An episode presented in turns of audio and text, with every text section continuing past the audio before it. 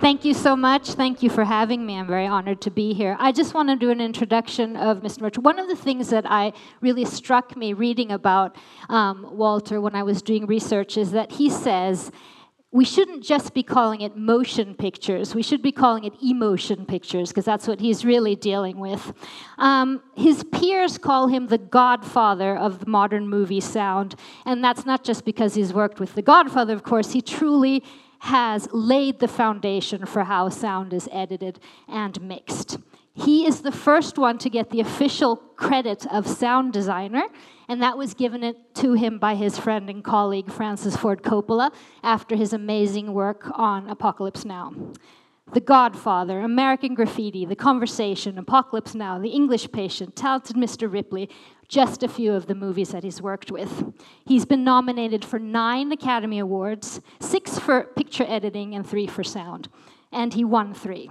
He's also the editor and co writer of a very powerful new documentary that centers on the coup in Iran in 1953. And we'll hear more about all this, but first, Mr. Murch is going to grace us with his own presentation so we get a feel for his work, and then we'll do a Q&A. Thank you.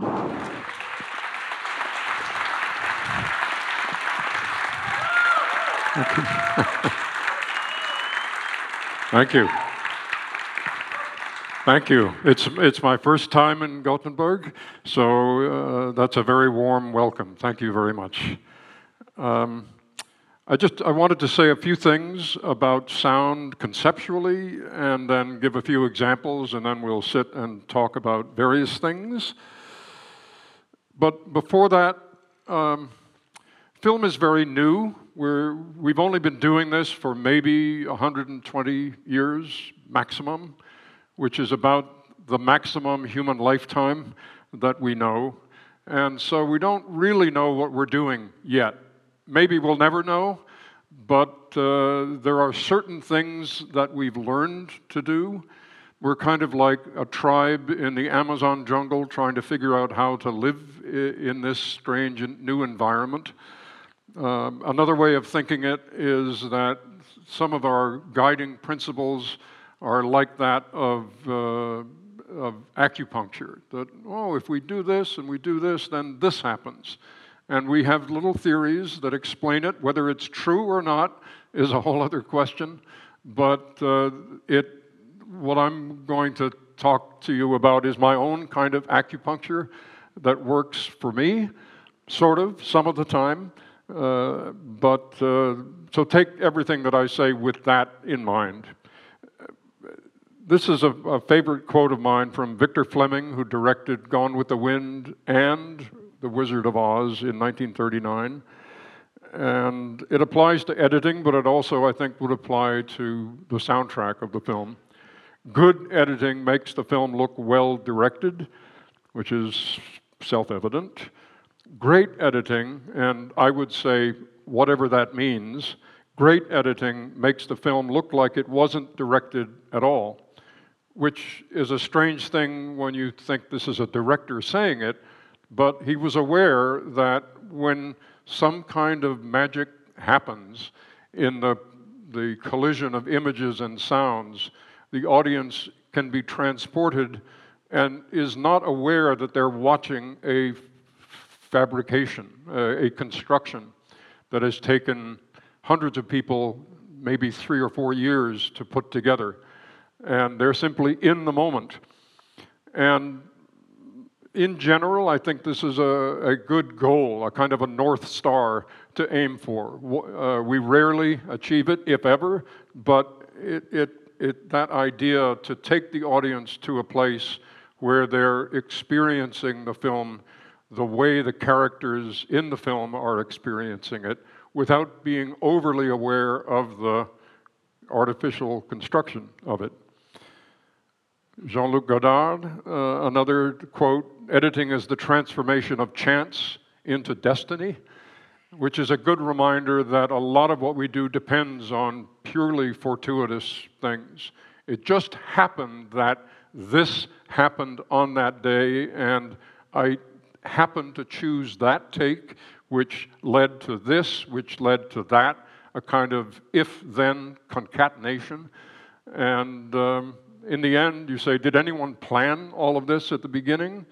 Some directors do, uh, but uh, there's another uh, valid way of thinking about it, which is that you, you filmmakers open them up to chance in the sense that a winemaker would open themselves up to the weather that year. You, you don't know what the weather is going to be like. You've planted the grapes, and then you harvest at the right moment, and then you ferment it knowing what the weather was like that summer. So there's a lot of chance elements in that that can produce a wine that is excellent, but that has uh, compensated for the, the sometimes disastrous things that might have happened during the, the harvest. A uh, writer who is not a filmmaker, he's a translator from one language to another, uh, gets at kind of the opposite of what uh, Fleming was saying, which is uh, this is the, the chapter, the, the head of a chapter that he wrote. He said, Is my invisibility showing? Because, like editors, film editors, in general, translators try to be as invisible as possible and to give the readers in the second language a as accurate a taste of the first language as possible. But there are limits to that, and sometimes in editing, we and sound, we rush to the forward and we're going to say, this is a construction. And we do things editorially and we do things that sound that push what we're doing in the audience's face. I don't think we can stay there for very long, but it, it, there is a limit to how invisible we should be, I, I think. Anyway, those are just three things that, that are each contradictory to the other, but they get at some of the essence of what we do, which is sometimes and productively contradictory. So, cinema sound, there's a conundrum about it, which gets at that invisibility or whatever the audio equivalent of that is, which is that in general, the audience is not aware of what we do as a construction nonetheless, it has a very profound effect on what, how they think and how they feel. And in some kind of strange neurological alchemy, most of the time, how they feel because of the sound gets translated into their appreciation of the image. They think that they're feeling a certain way because of what they're looking at, not because of the sound. And in a certain sense, this makes us more anonymous. But on the other hand, it gives us a great power because we're like puppeteers and the audience can't see our hands. They're looking at the marionettes acting with each other and are not aware of the jerks that are going on behind the scene. So uh, I want to just give a few examples of some of this. The one explanation for that is that in English, certainly, and probably in Swedish and many other languages, we have many, many words for different kinds of ways of looking at things. Each one of these words in English has a mood that goes with it to glance, uh, to glimpse, to gawk, to gaze. Gawk, you know, uh, each, each one of those has a uh, kind of a smell about it. But when we turn to different ways of hearing in English, there's only two words, and they're not, neither of them are expressive at all of the way we hear things. And I think this has to do with the fact that a third of our brain, the human brain, is dedicated to processing visual imagery. It's very complicated what is going on. And sound uh, is way down uh, there's very little processing going on of sound compared to what's happening visually. And I think that imbalance is one of the things that explains this conundrum. That we just generally, all of the horsepower is visual, and the, in, a, in a sense, the sound gets swept up in that. There's probably a biological reason for this. The, the, these creatures in Madagascar, these lemurs, are primates, And it could have been that we, human beings, descended from this branch of the primate family. What you'll notice here is that the eyes of all these lemurs are fixed forward, that the eyes don't move within the head. So there's really no way of looking at the face of a lemur and figuring out what the lemur is thinking. And had we had we descended from these creatures, we would be kind of in the position of uh, C3PO on the, on the right, who, if, if, if I'm C3PO and you're over here, I have to turn to look at you. I can't move my eyes. Whereas the avatar people have both. They have mobile eyes and they have mobile ears. So if we had descended from lemurs, our ears would be moving a lot, like cats and dogs and horses, and our eyes would be fixed forward, and probably we would have many different words for the act of listening. Because we know that is true. I mean, when, you, when you're awake at 3 o'clock in the morning and you hear some tiny sound, it goes click, you know, you're suddenly alert, and what is that? On the other hand, that same kind of sound when it's your uh, your wife or your husband coming home after a long trip and you hear the key in the lock, you hear that and your ears kind of do a different dance. And, but we have no words for these different kinds of hearing, I think, because of the way we have evolved. The other principle, I think, is that hearing begins four and a half months after conception. So, halfway through your life in the womb, your ears are turned on and you begin listening to the world. And the environment that you're in is a very noisy environment. You hear the mother's heartbeat, her breathing, her intestines, her voice, and the outside world. And as your hearing is turning on, your consciousness is developing. And so, for the next four and a half months, all your consciousness is dependent on this very complex sonic world that you're living in. You can't see anything except maybe a few dim differences in light. You can't smell, you can't taste. Maybe if mother had your mother ate a pizza and a little garlic, maybe that comes through. Um, and touch is not really there, a kind of slippery touch, but nothing like what happens after you're born. But hearing is very, very present. And now we have uh, video of sonograms of children in the womb re- relating to certain sounds the way we would expect them to relate when they're after they're born. So your consciousness is uh, a uh, developed. It's kind of like a, a, pickle in the vinegar of sound. That your your consciousness is based fundamentally on uh, the world of sound. So here is that world. But when you're born, suddenly there's something you've never experienced before, which is silence.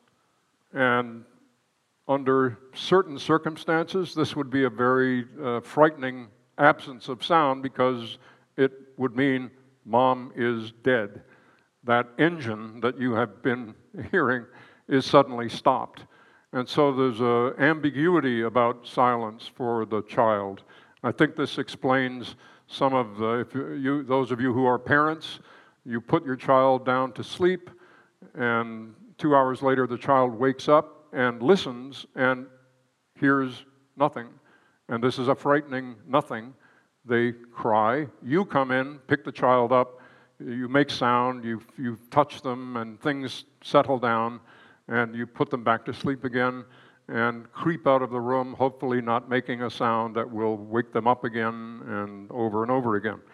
But we filmmakers can very productively use silence in what we do. A place to use, to go for, in the film from loudness to silence, if it's carefully judged, can have an extremely powerful effect on, uh, on the audience.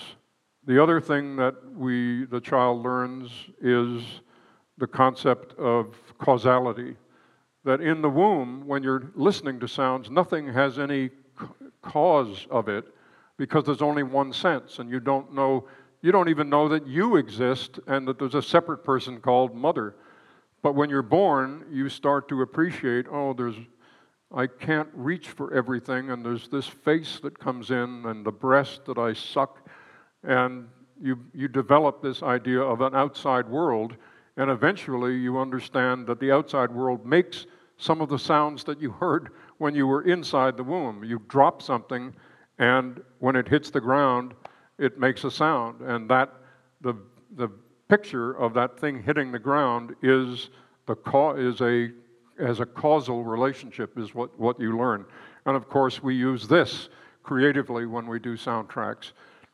In a most creative way, we distort causality uh, in carefully done ways so that it's no, we're not simply parroting the vision with what we hear, but that we're putting different sounds in relationship to a, an image. And we're throwing that question to the audience and making them think why is there, I would have expected this, but I'm hearing that. Again, this is all mostly subconscious. And they come up with something in their mind that resolves this dilemma. And then, in terms of what I was talking about before, they reproject that up onto the screen and think that it's coming from the picture. I'm running out of battery here, so I need to plug in. My, it's in my bag out the back, if somebody would get that. And the third thing is space. The child learn there is no space in the womb for sounds, but the child learns that when the door opens and there's mom, there's mother, and now her voice sounds a certain way, and as we come closer, it has a different sound to it. And we, filmmakers, we play with this. Uh, and again, when we do it creatively, we're sometimes inverting the implied space. We're seeing somebody far away, but they hear that we hear them close up, or vice versa. Somebody is close up and their voice has this very distant quality to it, and all kinds of things in between. To, sum this up, these, these are very big words, but basically the, the, the conundrum of sound is that it's ontogenically old. That means in our individual life, Sound is the first of the senses to be turned on, so it, it has a primacy to it. And yet, in terms of the evolution of mammal species, uh, the phylogenetically developed sound is very late. The reptiles do not hear with the detail that we hear. And this is something we de- developed uh, 100 million years ago because we were primarily insect eaters and we had to hear the very fine quality of the insect sound at night. Um, so we, the brain, the amount of brain power given to the analysis of sound is very small because it's a late arrival, um, but it has this primacy to it that gives it an emotional impact that it wouldn't have if it were not such a, our consciousness did not develop in the brine of sound. Another uh, piece of acupuncture here is that you can think of the breadth of soundtracks uh, in a film going from language at one end, uh, in terms of the spectrum, it's kind of at the violet end of the rainbow, to music at the red end, uh, with sound effects kind of modulating the middle. And the, the thing about language is that it's a code. You have to decode what the person is saying and that's a whole separate part of the brain that's doing that. Whereas music is embodied, it is what it is. You don't have to uh, decode it to experience it. It works directly on your, uh, your emotions and your, your neurology. And sound effects have this sort of uh, centaur like ability to be sometimes to be linguistic. The sound of a doorbell goes ding dong. That's a two words. It says, I'm here, and at the other end, you have tonalities of sound effects that are very like music. And uh, so that's kind of the rainbow, the conceptual rainbow behind sound. The question is when you have so much material that you're trying to compress together, sometimes in films you have many, many soundtracks that are competing for attention. uh, like this gigantic sandwich. Where do you, how do you deal with that? And one principle, uh, this, uh, this is Chinese, so appropriately acupuncture that I came up with, is this concept of uh, the law of two and a half, um, which is illustrated in Chinese ideograms. The, the ideogram for tree looks like a tree. Two of them together is a woods, a small group of trees, and then a forest is three of them. Of course, we know a forest is a million trees, a billion trees. Uh, so you, you, but you don't want to spend time drawing even four or five trees. You get the idea of many when you draw three. So there's something that happens between two and three where it, it passes from duality to the concept of many. George Gamow, the physicist, wrote a book uh, on this subject, physics, but he called it one, two, three, infinity. And many tribes uh, who, are do, who don't have mathematics count the same way. They say one, two, many. So um, when I was mixing Apocalypse Now, I came up against this problem, which is I had so many, you know, 250 soundtracks at sometimes, especially during the big battle scenes. If you pushed all of them forward, it just becomes a, a big ball of sound. If so, the question is, how do I? I want to get the impression of great power and variety, but I also want clarity at the same time. That where you see the forest and the trees at the same time. Oh yeah, this slide. Also, this uh, there are circuses, and and they have uh, a three-ring circus. They don't have a ten-ring circus. If you want to give the audience this feeling of a lot is going on, three will do it, uh, not five. Five becomes chaotic. Uh, uh, the, the uh, J.S. Bach wrote about this also in terms of how many lines, melodic lines, can coexist, and he came up with something around the same idea. So, what I'd like to show you here are the, the six main premixes in uh, a scene in Apocalypse Now uh, to show you the elements that I was working with, and then we'll talk about how I put them together.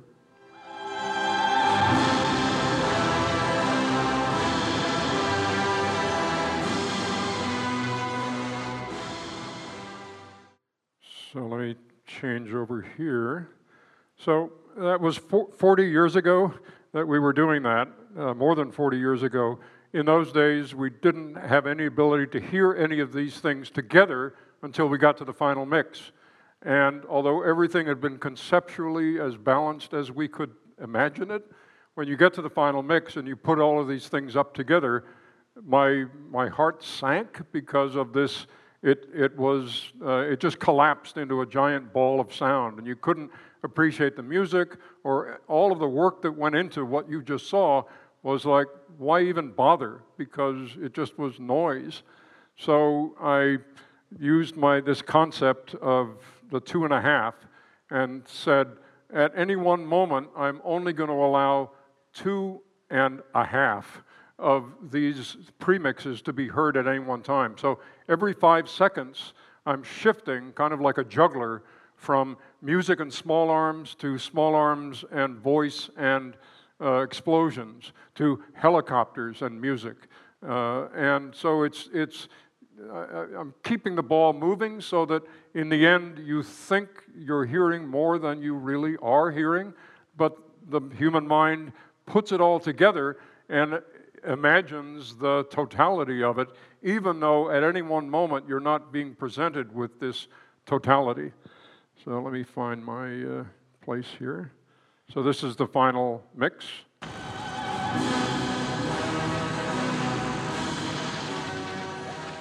All right, well, lots more to say, but let's uh, move to the chairs and uh, look at it from another point of view. Um, I'm not going to go as far back as into your mother's womb, but I do want to know because I've heard that you were called the human bat.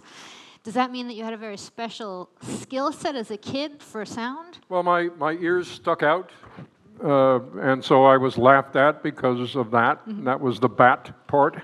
Uh, and I, uh, when I was learning language, how, how to speak, I, I didn't feel that I had to stop. If I didn't know a word, I would slide from a word into the sound effect that I was after. If I didn't know the word for chicken, I would imitate a chicken.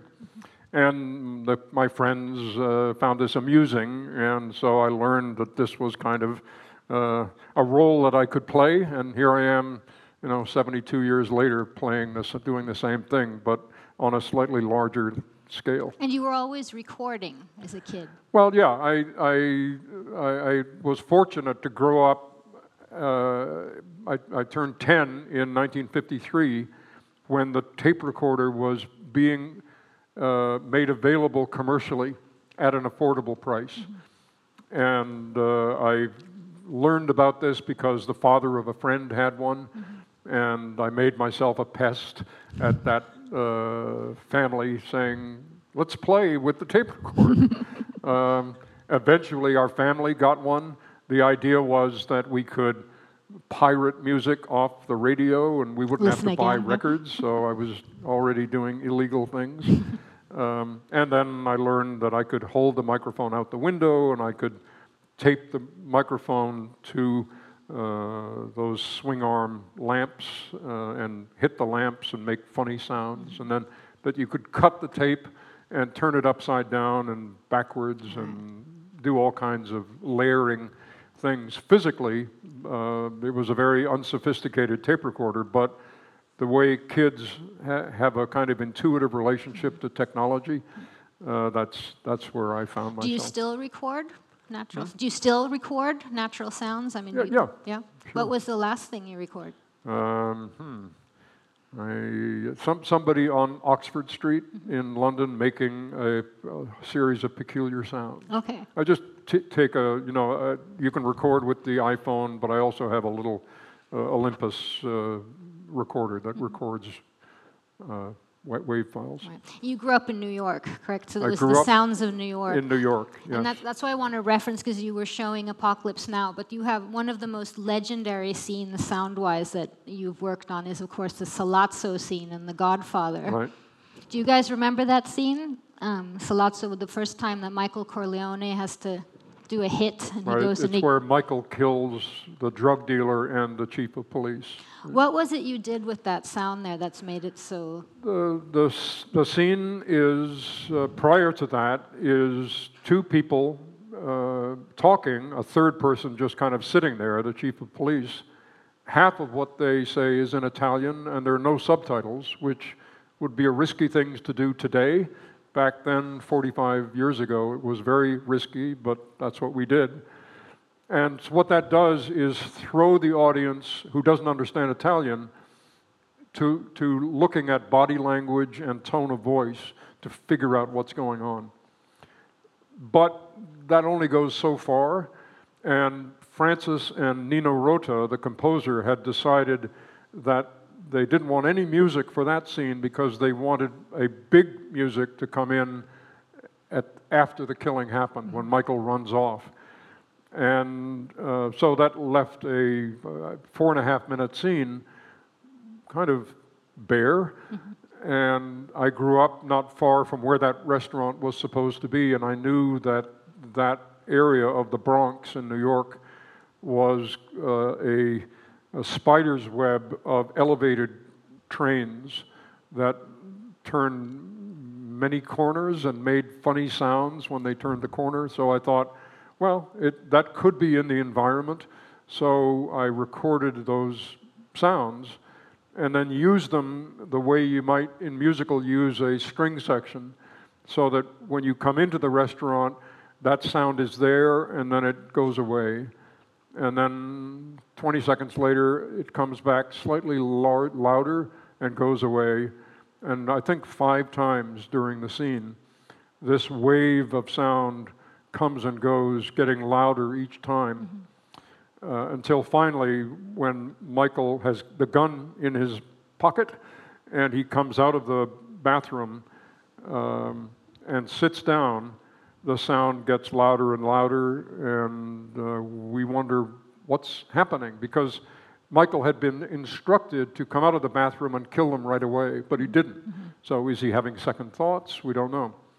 And in a sense, this sound is, uh, in a metaphoric way, you can think of it as the, the clashing of the neurons in Michael's brain because he's making, he's not only going to kill two people, he's going to kill the dream that he his old life told yeah. to Kay at the beginning, his girlfriend. this this family is not me, Kay. I have a I'm I have a different destiny in a sense. Um, but now he's plunging even deeper into that destiny by killing these people. And so the sound gets louder and louder, and then gets a screeching kind of Bernard Herrmann type quality to it because of the metal. And then he pulls the gun out, pulls the trigger, and the sound immediately disappears, which again subconsciously tells you that wasn't a real sound mm-hmm. because it it ended immediately with the with the gun. Um, so that was sort of the sounds of your youth that you could pick that up, that those trains that you had heard, that you had recorded when, when you were young. I sort of figured that you, you bring those things into your work. But in terms of picture editing, I read something really fascinating. Um, I read that you when you have a process where you actually when you're editing picture you have you take away the sound completely right. and you edit soundless. Right. Why? I, well I, I, I do edit silent when i'm assembling the images for the first time. I read that um, david lean did this when he was editing lawrence of arabia and other films that he edited. And uh, this is back in the day to pre-digital to deal with picture and sound simultaneously because they're on two different mediums. Right. Uh, you can do it, but it slows you down. And uh, so I said, well, if it's good for David Lean, I'll give it a try. And I did, and I really liked it. Um, I look at the dailies, I look at the material, and I, I turn the sound on then, and I take notes so I know what they're saying. Mm-hmm. I know how they're saying it. Um, but then I purposely make myself deaf in a sense because ultimately the soundtrack is going to be more than just the dialogue. But if you edit with the dialogue track, in a sense that uh, it's like a full moon that makes it hard to see the stars. Uh, all you can think of is the sound of the dialogue. Whereas when I edit silent, I can in, imagine not only the dialogue, but the other sound effects and even the music for, that hasn't been written yet. Yeah. I can I can begin to hear the the beginnings of. Do you have music. any examples of any happy accidents that happened when you then turn the sound on? Oh no, I can't. I, there are lots of they they do happen, mm-hmm. uh, particularly re- regarding uh, uh, using uh, music, cutting in temp music. It's amazing how many happy accidents happen.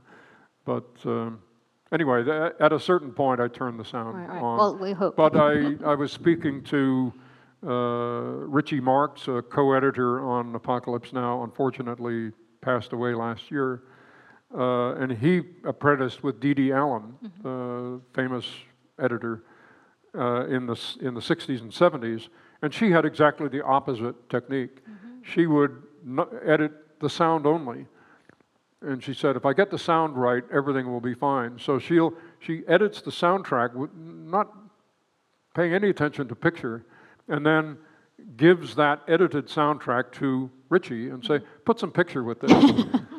and uh, he said the first time that happened, it was like, what? but, you know, he, he learned how to do it. Mm-hmm. And of course, he gave it to her, and she said, thank you very much. And then she tweaks it and changes it, but uh, as far as she was concerned, sound was primary, picture was, was secondary. Fascinating. Ultimately, both important, right. but uh, just a different way to do it.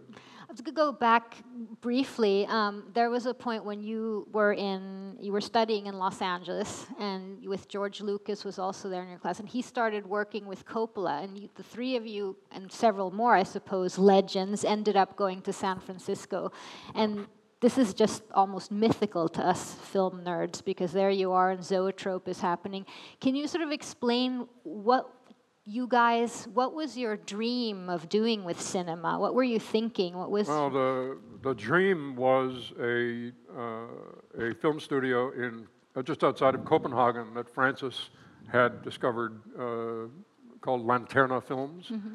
And uh, he went uh, to Lanterna and he saw this nice house uh, full of young people with KEM editing machines, which were new at the time, and everyone doing everything. And he thought, this is how to do it, um, rather than the way that it was done in Hollywood at the time, which was to compartmentalize everything and have everything on a business track. How much time do you need to spend on each thing? And some person doing this could not do this. And we had uh, all gone to film school without any background in film. And we loved the experience of working like that at film school. And when we began to inch out the door into Hollywood, it was like, no, this is bad.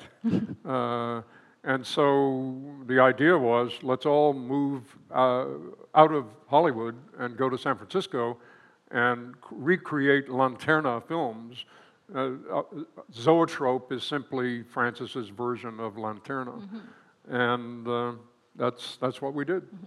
And I just have to confirm one of these, another nerdy things. I, I understand that there's a, um, you were working with George Lucas on American Graffiti, and there um, you came up with another franchise, a name for a very famous, through a happy accident.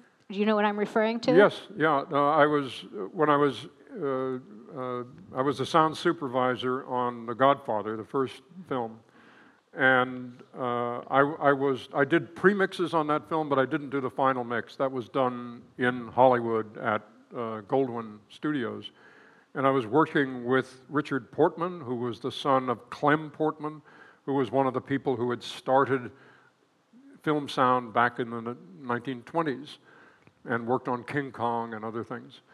And uh, Richard had, Richard Portman, who was a little bit older than me, had copied something that his dad always did, which was to voice slate each reel of film as he mixed it. And you, you have a very short period of time between the beginning of the film and the pop that means you have to start.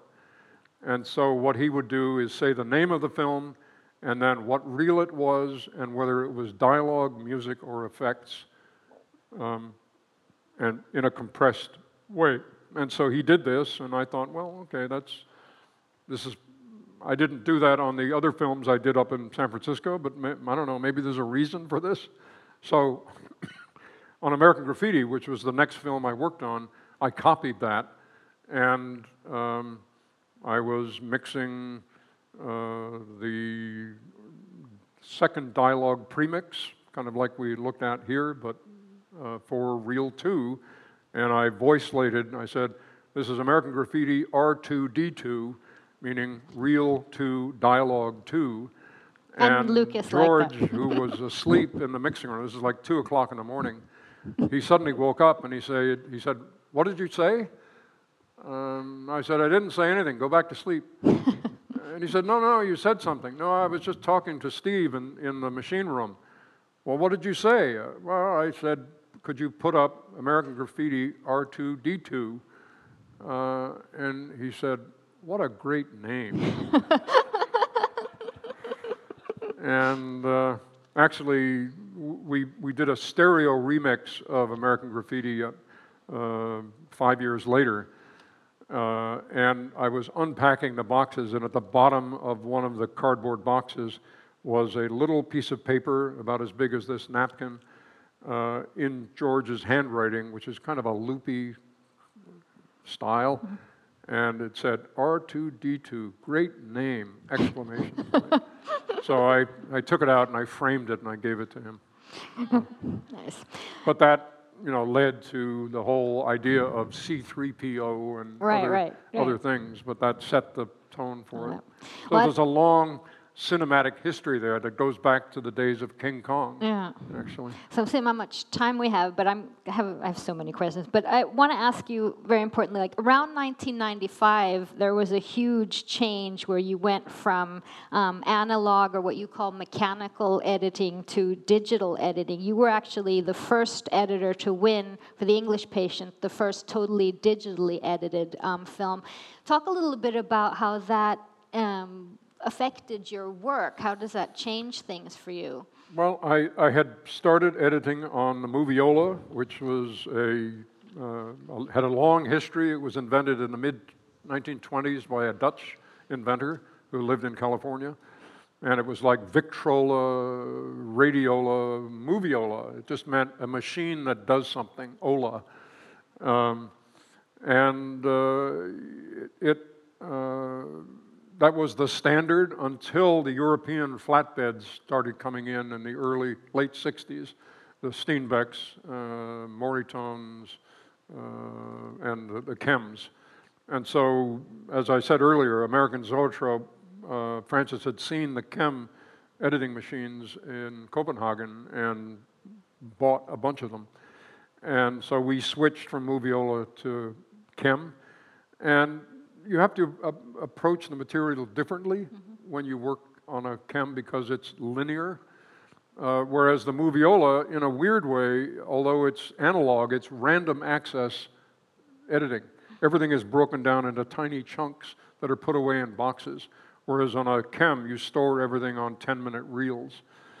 And so when I switched from editing on the KEM to editing on the Avid, I thought, well, okay, this is just like the Moviola. It's a random access machine.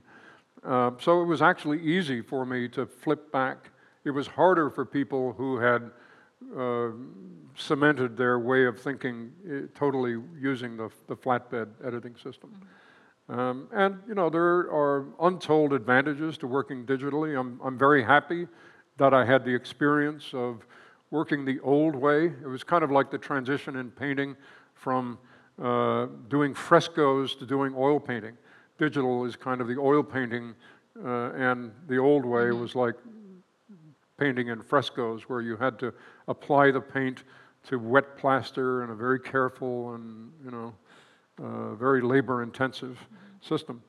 But um, you know the the uh, it, it, it's uh, when you, when you look at something analog, you can scan through it very quickly on a, on a KEM with a rotating prism.